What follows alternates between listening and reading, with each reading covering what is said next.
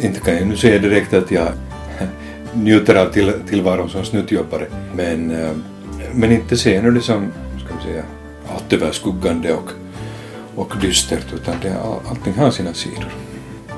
Man talar om att förlänga arbetslivet men i praktiken ges inte möjlighet att, att göra det. Det känns till och med sårande ibland att det finns den här diskrepansen mellan tal och gärning. Det här säger Lennart Nyberg, bosatt i Borgo, och det är honom ni idag ska få höra ett samtal om livet. Mitt namn är Ann-Sofie Sandström. Du hittade? Jo, jo.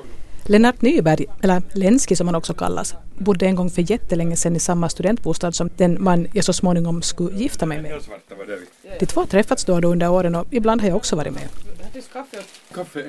En gång när vi redan bodde i Nykarleby kom jag hem sent från jobbet och hittade en bil plus någonting som såg ut som ett flygplan utan vingar parkerat utanför vårt hus.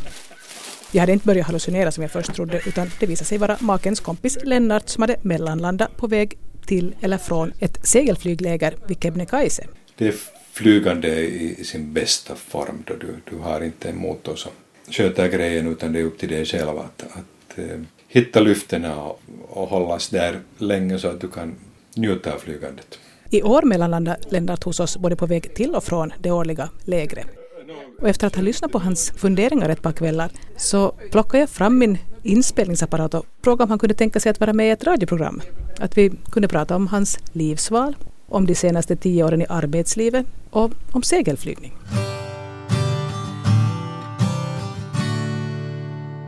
Jag heter Lennart Nyberg, jag är 54 år. Helsingforsare är börden. Född och uppvuxen i Töle men har bott nu de senaste 22 åren i Borgo. Även om jag nu graviterar tillbaks mot, mot min födelsestad som alla har för vana att göra när de blir lite äldre. Så att jag bor delvis i Helsingfors också. Jag är ekonom till utbildningen och har jobbat i huvudsak inom finansieringsuppgifter. Först i bankvärlden flera år och sedermera då som finansieringschef i diverse bolag och, och även som företagare en liten snutt. Jag har två barn. Det är då en annan roll som jag också identifierar mig med. Familjefar. Kalle är 20 år, Peter är 17.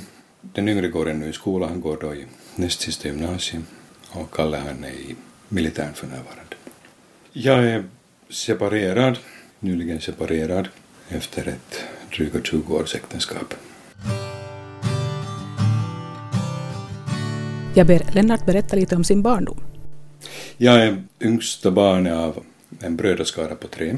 Jag hade två äldre bröder, mycket äldre bröder. Det ena är nio och det andra var elva år äldre än jag. De är egentligen halvbröder från min, min fars första äktenskap och, och deras mor dog när de var mycket små. Min far gifte sig mer om sig då med min mor så att jag föddes då på slängen 1958. Så du var enda barnet? Jag var så att säga enda barnet. Det, det är mångt och mycket så som jag upplevde det. Att, att, äh, även om jag hade två äldre bröder så det åldersskillnaden gjorde att, att äh, jag var väl snarare det enda barnet, det kan man nog säga. Jag växte upp då i främre Tölö på de mörka innergårdarna som där fanns.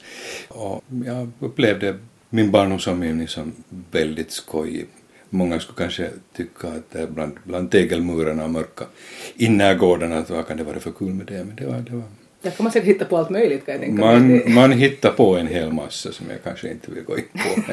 Det är säkert men, preskriberat den modellen. ja, det, det hoppas jag att det är, ja. Men det var helt kul. Kompisar som, som uh, välde omkring där från den ena gården till den andra. Jag gick i Topeliusgatans folkskola. Jag gick fyra år i den och sen skiftade jag över då till Norsen, Svenska Normalmuseum, uppe på Observatorieberget i Helsingfors. Och tja, Norsen gick jag då åtta, åtta år och skrev studenten sen 77. Men då när Lennart Nyberg ännu var liten och sprang omkring på bakgården i Tölö, vad hade han då för drömyrke? Alla hade vi ju våra planer och, och drömyrke. Mitt var lokförare. Vad var det som tilltalade dig med just det? No, vem vill nu inte bli lokförare? Det, jag tycker att det är liksom helt, helt naturligt det är en, en, en, grej som faktiskt har hängt, hängt kvar över åren, att jag är fortfarande tågentusiast och, och följer med. Jag har varit med på resor där vi då har faktiskt haft tåg på agendan och inte just mycket annat. Lokförare blev jag ju inte lyckligtvis för att det är nog trots allt ett ganska stressfullt arbete men det var min mitt första mål. Vad var, vad var följande sen? Sen var det nog inte kanske så mycket yrkesdrömmar utan det var mer att, att jag vill inte säga följa med strömmen men på 70 början av 80-talet så, så det var nog eh, ekonomin och kanske bankvärlden i synnerhet som var hett. Och, och dit sökte man sig gärna. Det 80-talet var ju så att säga de gyllene åren för finanssektorn. Det var då som man präglade det här uttrycket med, med jappis. Jag frågade Lennart vilken linje han hade i gymnasiet. Långa matten.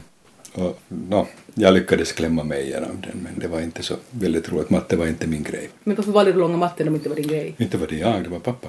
Ah, ja. Ja. Men visst fanns det ju en, en rational bakom det hela också. Att, att det, långa matten var då... Ja, man skulle ha långa matten till äh, Hanken till Svenska Handelshögskolan. Och det andra alternativet var eventuellt då den tekniska sidan. Teknik har alltid varit väldigt intressant. Så skulle det inte blivit Hanken så skulle det sannolikt ha blivit Poly. Jag frågade Lennart om han redan i gymnasiet faktiskt bara hade de här två alternativen. Men det fanns tydligen ett till. Historia. En hobby kan man väl säga men jag såg inte att man ska göra ett yrke av en hobby. Aha. Så du var hemskt medveten om att du, du ska ha ett yrke som man faktiskt då menar, att man inte bara börjar flumma och läsa historia och sådant? Det var kanske så som jag tänkte på den tiden. Nu tror jag att jag skulle ha valt annorlunda. Nu ser jag inget fel på det att man ger sig helhjärtat åt det som man faktiskt brinner för. Men det är ju inte så hemskt lätt att veta när man är just där i den åldern när man har skrivit studenten, att veta Nej. vad man egentligen vill Nej. helst. Nej, jag har samma åsikt att, att uh, nutidens ungdom tvingas göra väldigt avgörande beslut i väldigt unga år och de har inte nödvändigtvis förutsättningar för att, för att göra så. Sen en del kanske går med strömmen, går med kompisarna och, och hittar sig då i branscher i utbildningar som inte nödvändigtvis riktigt passar dem.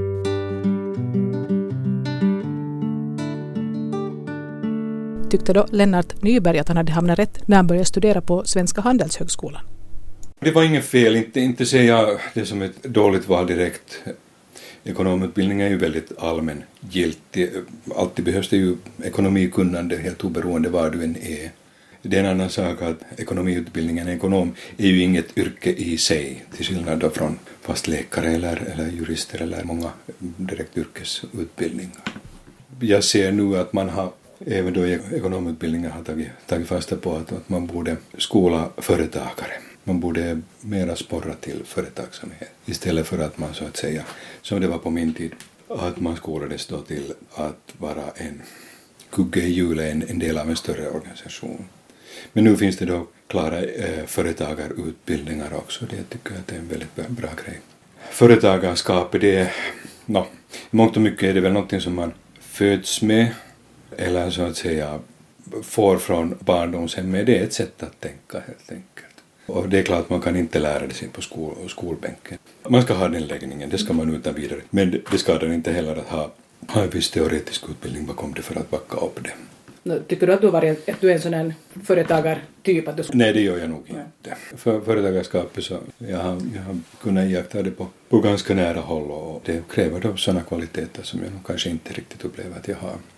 Det finns ju ett begrepp som tvångsföretagarskap, det vill säga att företag då outsourcar vissa funktioner, det vill säga tvingar till exempel sina lastbilschaufförer att bli självföretagare. De grundar ett eget företag och, och bär då hela företagarrisken.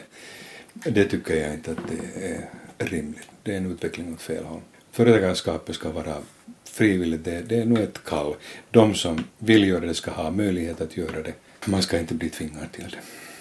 Vi är olika funtade olika människor och det, det är en del som, som föredrar att vara, vara anställda med den trygghet och, och den begränsade frihet som det medför. Vad gjorde sen Lennart Nyberg när han hade gått ut Svenska Handelshögskolan? Det var den vanliga, vanliga vägen att man gick Alexandersgatan från ända till ända. Alexandersgatan på den tiden var, var Bankgatan i Helsingfors. Och sen såg man i vilken bank man hittade sig. Det var det så det vanliga när man hade gått ut? Det var för väldigt många, ja. åtminstone det var jag läste då, eh, finansiering och investering, så det var det ganska uppenbara valet. Var det lätt att hitta jobb på den tiden? Nu var det förhållandevis enkelt, ja. På 80-talet, det var som jag nämnde, det, det var så att säga de gyllene åren då kurvorna pekade brant uppåt och framförallt finanssektorn expanderade ganska kraftigt. Hur såg du själv på ditt liv och dina framtidsutsikter då? Inte tänkte man ju i de termerna i den åldern. Att nu, nu rider vi vågen och ser hur långt den bär. Och den, den bar ju 80-talet till slut och sen kom den stor recession. Vilket man nog med efterklokhetens glasögon kan säga att den låg där och lurade men då trodde ju ingen på det. Jag kan inte komma ihåg att det egentligen skulle ha varit någon, någon som skulle ha varnat för att snart smäller det. Men um, alla tecken fanns ju där. Var befann sig Lennart Nyberg när det här hände då?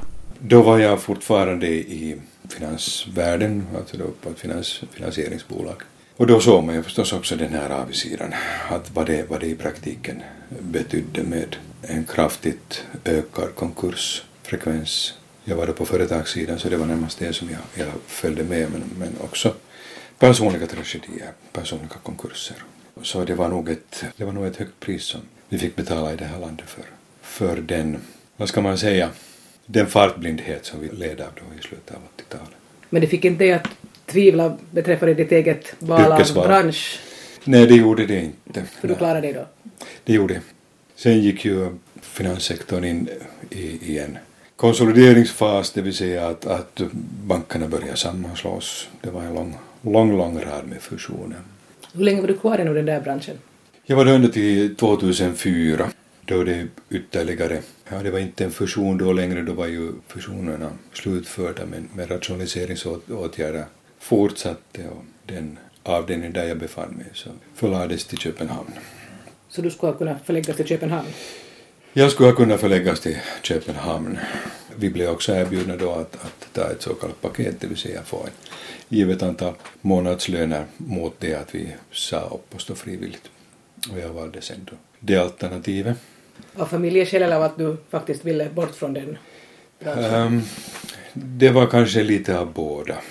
Jag kände att, att efter, efter då 18 år i bankbranschen och jag kanske anar att, att det blir nog inte nödvändigtvis väldigt mycket roligare det här. Och tja, kanske en sån här tanke att då, då kunde man väl säga att, att uh, vad jag skulle göra då som vuxen. Att det här är ju, det här är ju den, det tillfället.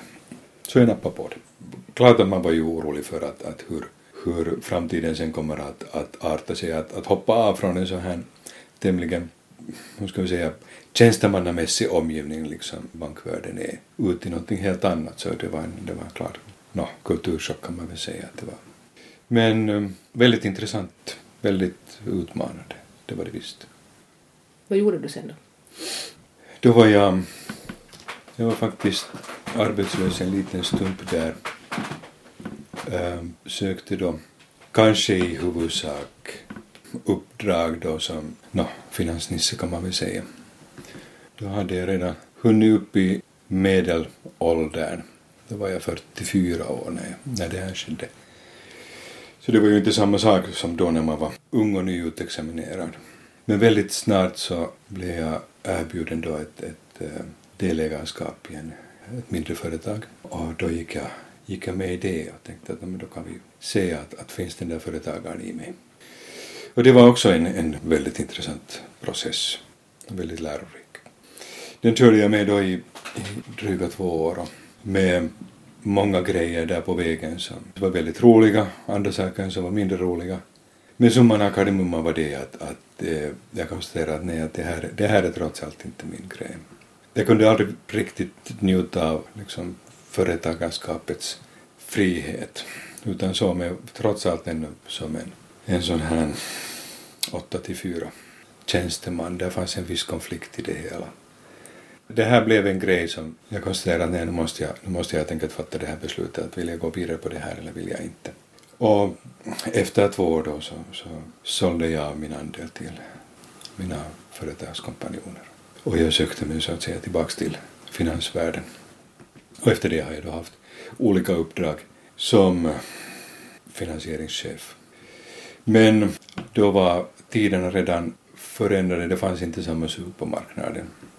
Och visst blev det ju ganska uppenbart att när man har åldersmässigt överskridit en viss, viss tröskel, jag var då knappt 50, så det, det, det är en sån här tröskel, det är, det är klart klart svårare att, att, att sälja in sig själv i det laget.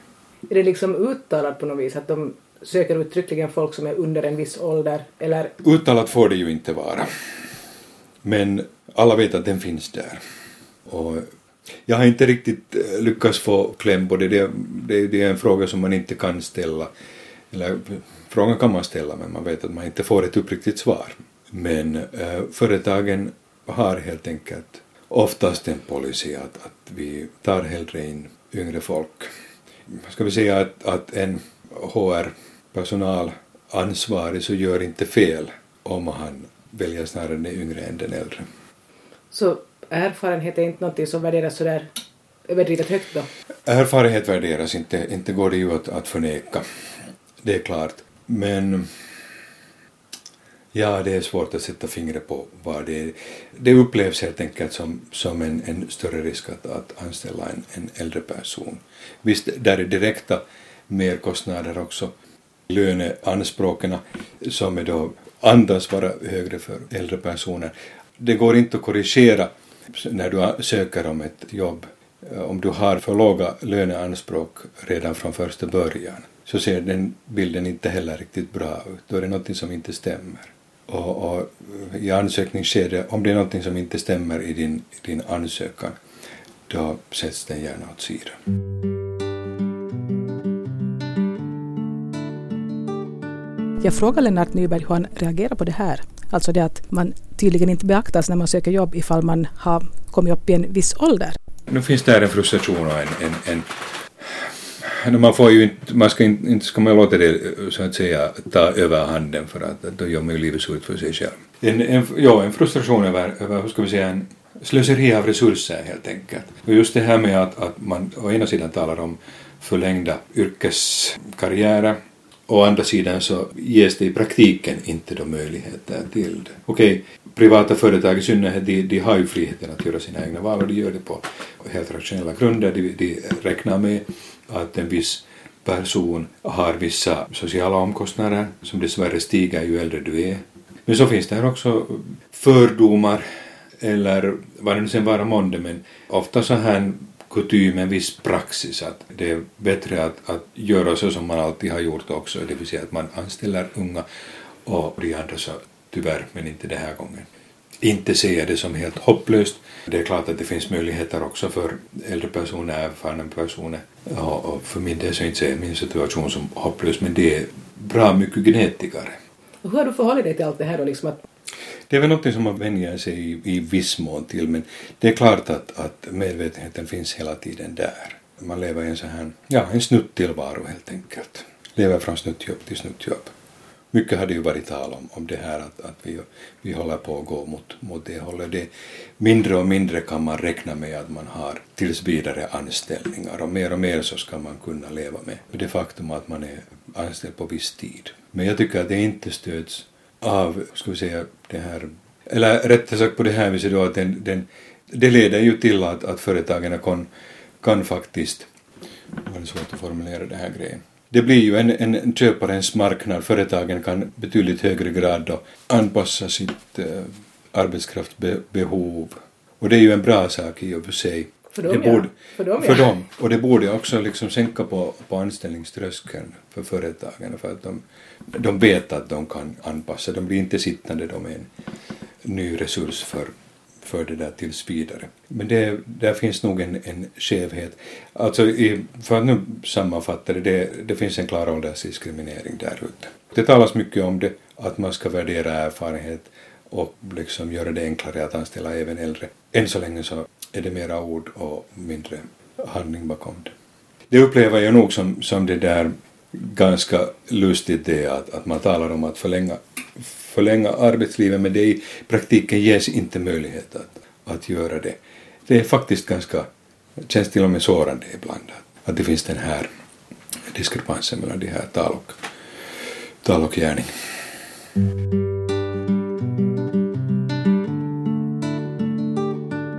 Hur orkar man då hålla på och skicka ut en massa ansökningar ifall man känner att man ändå inte beaktas?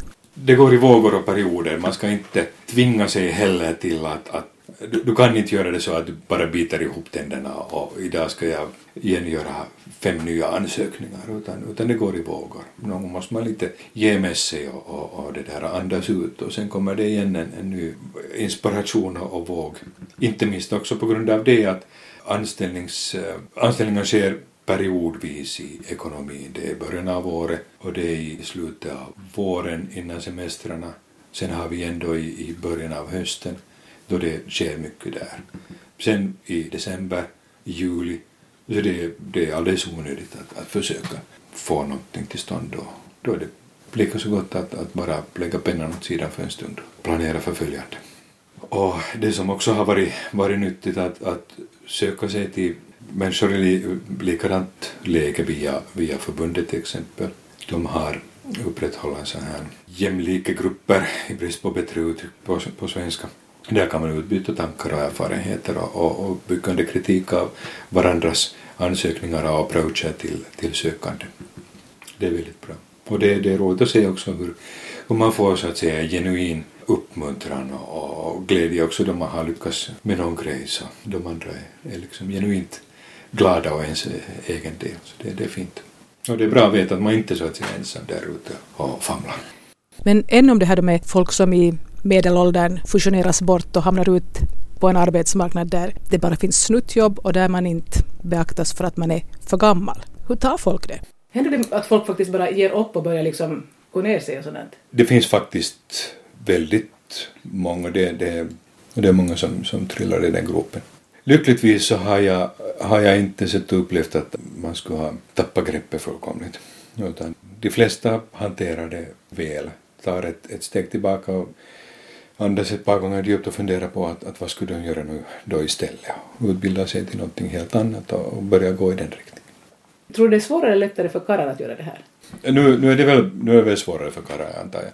Där finns ju den här rollmodellen som man pressas in i att det ska vara liksom karriären ska alltid peka uppåt i, med en viss vinkelkoefficient och kanske det här rollbetingade att, att det är karlfolket som förväntas vara så att säga den här försörjande parten i det hela. Nu det är ju någonting som inte stämmer dessa dagar längre. Alla drar vi ju med en sån här rollbörda, ett visst rolltänkande och, och det där så finns det ju vissa gränser för hur, hur mycket du kan kasta loss också. Ibland så tvingas man ju helt enkelt. Att, jo, visst om man drivs till det så det är en annan sak, men att, att liksom helt sadla om så. Det finns vissa som gör det, men uh, oftast så har de också en ganska betryggande så här ekonomisk dyna att sitta på då. Ja, det är enklare att... att... Jo, det är lättare att downshifta ifall man har det ekonomiskt fixat redan från början. liksom, det är Precis. inte så svårt då. Ja. Så det, det ska man inte glömma när man romantiserar en, en downshiftning. Nej, men det finns ju också möjlighet att bo någonstans där det är billigare. Tidigare på kvällarna när vi har suttit med min man och Lennart och pratat så har vi kunnat konstatera att det är betydligt billigare att bo till exempel i Nykarleby än att bo i huvudstadsregionen. Men nu ska man ju också förstå det att, att folk har sin referensram också geografiskt och socialt. Att sen tvinga dem till att upprota sig helt och hållet av ekonomiska skäl så det tycker jag att det är orimligt. I princip så nu borde man ju så att säga alltid ha möjlighet att hålla sig kvar i sin egen trygghetszon. Det, det, det tristaste är om man hamnar eh, tvungen att ta dramatiska be beslut om det tvingas på en då, inte minst av ekonomiska skäl. Det är ju surt. Sen är det förstås också det att om man har en viss bakgrund så är man kanske van att det ska vara på ett visst sätt, att man har förväntningar på hur livet ska vara. Sen är det ju upp till var och en själv att hantera de förväntningarna. Värst är det ju då när man så att säga dignar under förväntningarna och, och barlasten. Det, det kan leda sen till, till väldigt olyckliga öden. Men det här, det är upp till var och en sen att, att hantera den, den situationen. Jag upplever inte den bördan direkt sådär. Att, att, det, är mitt liv och jag förvaltar det på det sätt som jag, jag anser vara lämpligt och jag är inte eh, så att säga räkenskapsskyldig till någon annan. Okej, till min familj, till mina anhöriga är jag. Så länge som de är ännu beroende av mig. Men då de inte längre är beroende av mig så, så då anser jag att jag får göra vad jag vill. Men det är också en, en process som inte kommer så där över en natt. Att när man är liksom inkörd på, på den där dagliga rutinen, den här stilla lunken inom en viss referensram, så är det inte så där bara att, att, att hoppa av och, och ägna sig åt någonting annat eller ens varse blir de här möjligheterna så där finns till höger och vänster. Utan det är en, det är en längre process. Ja, så länge man är inne i det så ser man ju bara det, man har ju fullt upp med ja, bara... Du, du har en viss sån här tunnelvision och du vet inte riktigt vad som händer där. Och det, det är kanske det som, som jag nu under de, de gångna tio åren har, har upplevt vara det mest givande, det mest uh, positiva. Att, att jag faktiskt har fått en väldigt vidgad vy, att vad allt möjligt det finns där annat som man faktiskt kan göra och syssla med och på det viset för då få, förverkliga sig själv, få en en tillfredsställelse. Jag frågade Lennart Nyberg vad han helst skulle vilja göra under sina återstående år i arbetslivet ifall han själv skulle få välja. Jo, det finns faktiskt jag tog, tog mig en funderare här om året att, att vad är det som jag verkligen så att säga brinner för, vad är det som jag upplever som, som alldeles speciellt intressant. Det är alltså då energisektorn, förnybar energi, bioenergi. Det är en grej som är väldigt aktuell just nu. Jag ser det som någonting som, som är på kommande och någonting som Finland har en, en god möjlighet att, att haka på om vi bara tar vara på det tillfälle som, som nu finns för handen. Bygga upp en, en industri kring det, en, ett kunnande på olika bioenergilösningar. Där, där finns en klar nisch som, som vi borde ta, ta vara på. Och det är också en grej som, som jag, jag så att säga, som tämligen tekniskt sinnad också gärna, som jag intresserar mig för väldigt mycket och, har också satt mig in i en hel del. Och det här då kanske i kombination med min erfarenhet från finanssektorn så ser jag det som en, en bra kombination. Så du har liksom fått nya intressen av områden som du inte egentligen på det sättet har engagerat dig mycket i tidigare? Precis.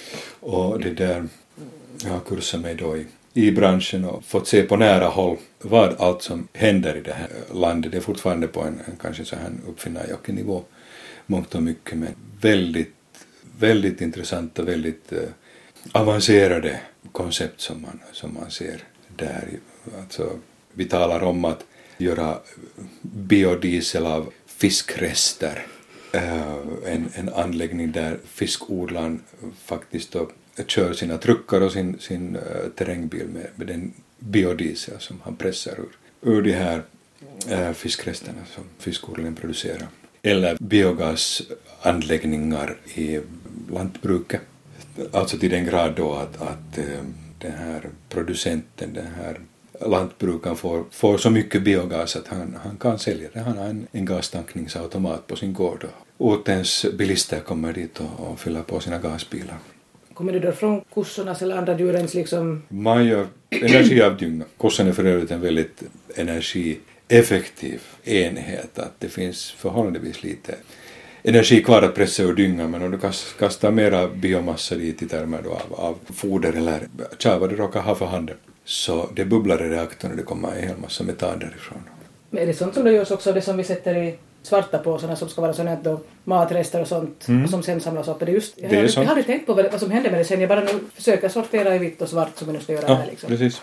Det kan du ta vara på och pressa energin ur betydligt effektivare än om du sätter det på, på din um, kompost där den bara förmultnar och all energi helt enkelt går till spillo. Okej, du får din mylla, den är bra, men energin går till spillo. Så att bättre är det att, att vräka den där i reaktorn och koka metan på det hela. Så det är en betydligt effektivare grej. Okej, det här är ju marginella grejer, de är i och för sig väldigt, väldigt fiffiga men, men kanske nu inte leder till en så här alltomfattande Men kanske inte lösning. allt alltomfattande, det kanske är bra, det finns många små lösningar. Visst, menar... allting är hemåt ja. och det ska man ju ta vara på, absolut. Men det vad vi ju har i det här landet så är, är, är ju skog, det vill säga skogbiomassa. Och det, det, det är kunnande som man borde då greja. Så det är inte samma sak som att man då eldar liksom med ved, det är inte lika utan det att det görs annan sorts energi av? Ja, precis. Okay. Börjande från det att, att du, du gör flis av det och det finns många smärre samhällen som har en, en värmeföretagare med andra ord han, han bygger en, en central eller en vedpanna på ungefär 1-2 megawatt som han då matar flis i och med det så värmer du en kyrkby. Och då är man ju mindre beroende av att alla sådana större anläggningar mm. funkar och att det sen händer någonting att nätet mm, precis. blir förstört att det går stormar och sånt så då har man ju liksom nära till hands mm. det är på det ja. sättet oöverskådligt. Ja, det är decentraliserat. Det finns många andra tekniskt tilltalande men kanske inte helt realistiska lösningar som bygger då just på, på flis. Du kan, du kan driva en gengasaggregat med det hela. Körde man inte med sånt förr i världen? Man körde ju gengas och ger väl kalla kårar åt många men, men det, det, jag tror nog att det, det är också en grej som, som vi kan se i, i framtiden. Idén alltid med, med det här är ju det att man ska, man ska se att var, var man kan med snabbast och med minsta möjliga insats få, få största möjliga nytta, impact av det hela. Men hur kommer det sig då att Lennart Nyberg har blivit intresserad av just sådana här saker? man kan väl säga att det här mitt intresse för, för bioenergisektorn är, är det att man då på äldre dagar börjar kanske bli lite grön i kanterna. Var du aldrig det förr? Inte på samma sätt. Du var inte en sån som kedjade fast dig i Kojärvi? Nej, nej jag, jag, Du hade fullt upp med att gå i Hanken då? Jo, man, man, man kedjade inte fast sig på Alexandersgatan, det gjorde man inte. Så det där, nej, det var inte en del av vår ideologi då, men det har nu vuxit fram med åren och förstås det har ju gjorts klart för var och en att, att tar vi inte hand om miljön så kan det gå på tok. Kan. Det går mm. helt säkert på tok om inte vi gör det tror jag. Jo, det gör det. Det är bara frågan om hur snabbt. Precis. Och, och pessimisterna säger väl att, att på tok går det helt oberoende vad vi än gör. Nåja, men eh, i varje fall så man ska ha fötterna på jorden och se att, vad man kan själv göra då för att dra sitt strå till, till stacken. Det finns en hel del som man kan göra.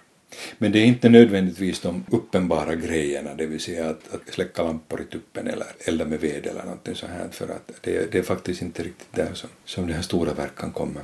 Bara som ett exempel kan jag väl nämna att livsmedelsindustri, livsmedelsproduktionen hör väl till den sektor där koldioxidfotavtrycket är kolossalt stort. All slöseri med livsmedel så är av ondo. Kan du spara på, på det? Inte slänga bort. Förpacka väl, ta hand om det här. Där kan du göra en stor inverkan. Eller kanske inte hålla på att transportera det liksom tusentals kilometer allting utan att man skulle... Du sa det, ja. just det, närmat. Det är det som gäller. Men är inte något sådär absurt att, man, att fisk dras upp i en del av världen, sen skickas till Fjärran Östern och fileras där. Sen kommer tillbaka och säljs. Det, ja. menar, och i värsta fall ännu flygledes. Så att det, nu, nu, är det ju en, nu är det ju en vansinnig värld som vi lever i sådär, sådär konsumtionsmässigt. Men om du då var den inte alls sån grön i kanten när du var studerande och var som mest mm. inne i arbetslivet, då antar jag att det här med konsumtion var hemskt viktigt för dig då? Liksom, var det inte ett sånt liv man levde då? Nej, inte, inte nödvändigtvis så. Inte, inte upplevde jag mig som speciellt materialistisk. Men den allmänna andan var kanske sån? Var... Den allmänna andan var ju sån. På den tiden så, så var man ju inte miljömedveten. Det fanns de här Kojärvi, det fanns de här gryende, Men det, gröna det, det, var det gänget jag hängde med. Vi, vi gick ju liksom tittade lite sådär, han skiten allt. Vi förstod inte oss alls på er. Och vice versa. Inte jo, förstod vi oss på, på er heller. Vi tyckte att ni var lite sådär harmlöst excentriska. Men visst har ni ju dragit det långa strået.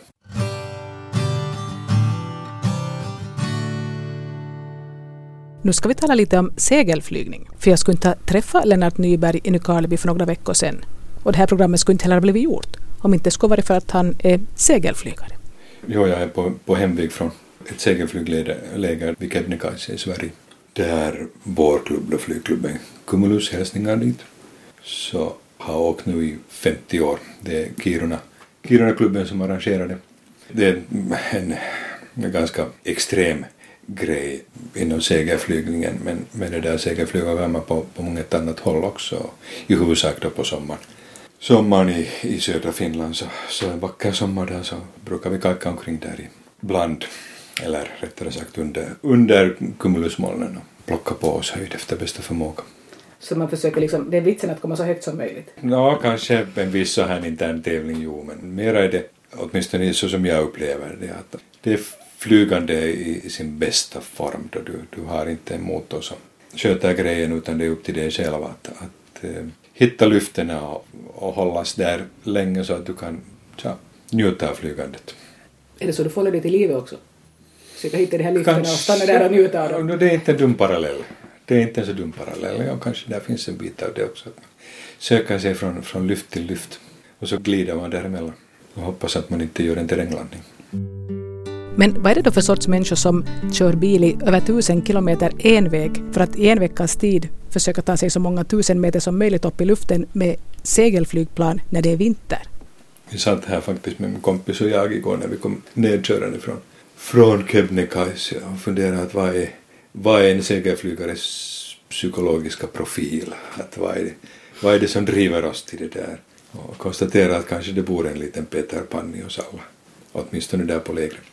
Hur länge har då Lennart Nyberg varit intresserad av segelflygning? Nu är det någonting som har hängt med från ganska unga år, det där att, att flygning skulle vara väldigt intressant. Jag flög flygkursen i tämligen, ja, tämligen hög ålder, alltså jag var då 26, 27 år när jag på min första betalda semester så, så använde jag då till att ta segelflygcertifikat. Men många gör det redan då som 15-16-åringar. Och det, det är kanske egentligen det som man borde göra, då får man det kommer man verkligen in i, i verksamheten då i, i, i lämplig ålder. Men, tja, vad kan jag säga? Det är kul, det är något som jag rekommenderar för var och en. Men det var aldrig något du tänkte dig som yrke, att bli pilot eller? Tyvärr, jag har ett, synfel som gör, gör att jag inte kvalificerar mig då som kommersiell pilot. Okej, men om du inte skulle haft det, skulle det vara en sak du skulle ha övervägt? Absolut, absolut. Men Lennart flyger inte enbart segelflygplan? Segelflyget är så pass tidskrävande och, och väderbetingat att man får inte nödvändigtvis riktigt sin, sitt lystmäte med det. Så jag kompletterar det då med, med motorflyg, alltså jag flyger ultralätta flygplan. Ultralätt är alltså då, det är inte sådana här rör och presenning-historia längre utan de är, de är nog helt inkapslade och, och små eleganta plan med en liten motor under huven och tar två personer. Och med den kan, kan man flyga omkring också då på, på vinterdagar om man vill. Det är två helt skilda saker. Men det där, ja de kompletterar varandra bra. Båda verksamheterna grundar sig på, baserar sig på en förening som äger de här planerna. Och i en förening så, så det där finns det alltid en, en, en social dimension där också. Att man trivs med att, att uh, jobba där med, med övriga föreningsmedlemmar. Som överraskande nog gärna talar om flygning. som kanske folk i allmänhet inte är så himla insatta och vill prata om det för att det inte... Nej, nej, nej. Andra, andra människor så börjar deras blick börjar hastigt flacka när man förirrar sig sen i de här historierna. Men, men där får man ju förstås gnida sig mot likasinnade det, det, det är alltid roligt. Men ännu om det här med själva segelflygande. Hur högt kan man komma med de här flygplanen? Med det här? Jag var personligen på 4000, vilket nu börjar vara så att säga någon sorts höjd. Men men det här lägret så uppnådde man höjder på 7200 som bäst. Inne i en sån här liten mygga som det där ser ut som det här planet, det, är som så, det ser som så litet ut. För det är ju inte, no, det är väl så att man just just ryms in där? No, det är så att man just just ryms i, i synnerhet på vintern med alla kläder som man är tvungen då att pälsa på sig, så det finns inte väldigt mycket utrymme där inte. Hur känns det då när man är där uppe? Visst är du i en annan värld, nu är det så. Och, och det, det, är ju kanske det som är Eh, just kontentan i det hela, att du verkligen känner att du har kastat loss från, från jorden. Å andra sidan så är man nog hela tiden sysselsatt där med att, att eh, se till att man inte tappar bort sig ute i fjällen och se till att man hålls där i det lyfte som man har gnetat sig upp med och den ena metern och den andra metern och annat sånt här så att, att inte, inte gäspar man där direkt inte. Vad är det som är det allra roligaste? Egentligen så är det, är det ju hela den här processen som är njutbar, att man känner att nu, nu är jag engagerad i det här grejen, nu, nu bär det frukt, nu får jag, får jag den där höjden som jag eftersträvar. Och när du ser höjdmätaren då stiga och stiga och stiga så, så det, där, det, det är en grej. Har du någon gång hamnat och landat så där, där du inte borde ha landat? Jag har gjort det två gånger, jo. Alltså det, det hör till rutinerna, det är ingenting märkvärdigt med, med ett segelflygplan. Den är konstruerad för att kunna landa på en åker så att, att det är ingen, ingen större dramatik med det där. Och småningom får man ju rutin med att, att se till att, eller kunna bedöma hur, hur det och det fältet ser ut. Ta till exempel de här stora foderbalarna med vit plast omlindade de där som finns där uppradade. Och ser du dem uppradade där längs med kanten, ja då vet du att den åkern är slagen. Det går bra att landa på en stubbåker. Däremot i högsätet så ska man inte landa för att, att dels så kan du skada planet och dels så gör du ju odlaren förbannad. Och, och det där det vill man ju inte gärna det heller.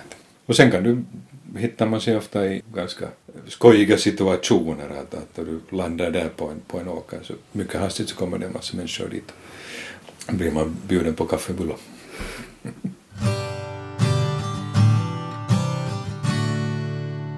Det är inte bara flygning som Lennart Nyberg är intresserad av. För han nämnde alldeles i början av programmet att han också är tågentusiast och ibland har varit på resor med likasinnade. Vi har varit till, till väldigt, väldigt intressanta ställen, sådana som man inte skulle drömma om att besöka i övrigt. Till exempel? Jag har två gånger åkt Östersjön runt med ett sånt här gäng och, och snokat sig fram då i baltiska ländernas små vägar och, och bakgårdar och, norra Polen till exempel där man fortfarande kör med ånga riktigt kommersiellt. Och så här, det, det är liksom långt ifrån de här stora lederna och stora turistattraktionerna. då får man se det här vardagslivet där i de länderna, östeuropeiska länderna. Det, det är nog som att hoppa i en tidsmaskin. Det, det, är, en, det är en helt annan värld. Har du några andra sådana specialintressen ännu som inte jag vet om? Nej, det begränsar sig nog ungefär till det här.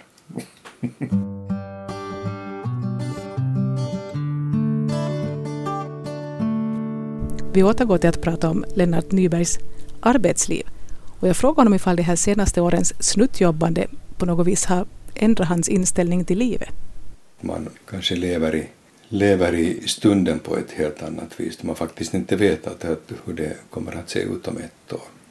Um, en sån här karriärorientering så har i mångt och mycket trillat bort. Jag har aldrig varit väldigt karriärorienterad som sådan men kanske just det här att man lever i stunden och gläds åt, åt de saker som man har här och nu. Hade du inte tid med något sånt när du var mitt inne i det här, när det gick hårt och du jobbade? Nej, inte nödvändigtvis. Men då, då tog man ju väldigt många saker för givet. Och det gör man inte då mer. Att, att nu, nu ser man om att man ska värna om, om det ena och det andra för att, att det, man kan inte ta de här sakerna för givna. Hur ser då 54-åriga Lennart Nyberg på sin framtid i arbetslivet? Om jag nu är helt realistisk så, så tror jag att det är just det är snuttjobbande. Eller rent av så då att, att jag gör det då på helt privat basis. Att jag då, då kallar det för konsultering eller vad du nu sen vill kalla det, kalla det för. Men, men inte liksom en fast anställning ser jag nog som tämligen, tämligen osannolikt. Inte uteslutet men tämligen osannolikt. Och det är liksom en verklighet som du har funnit dig i och sådär är det så gjorde det bästa av den saken. No, precis. Där igen så, man ska inte göra livet alltför surt för sig. Det hjälper inte att stå på barrikaderna och skrika så att man är röd i ansiktet, det blir inte bättre av det. Man ska inverka där vad man kan och acceptera det vad man inte kan inverka på.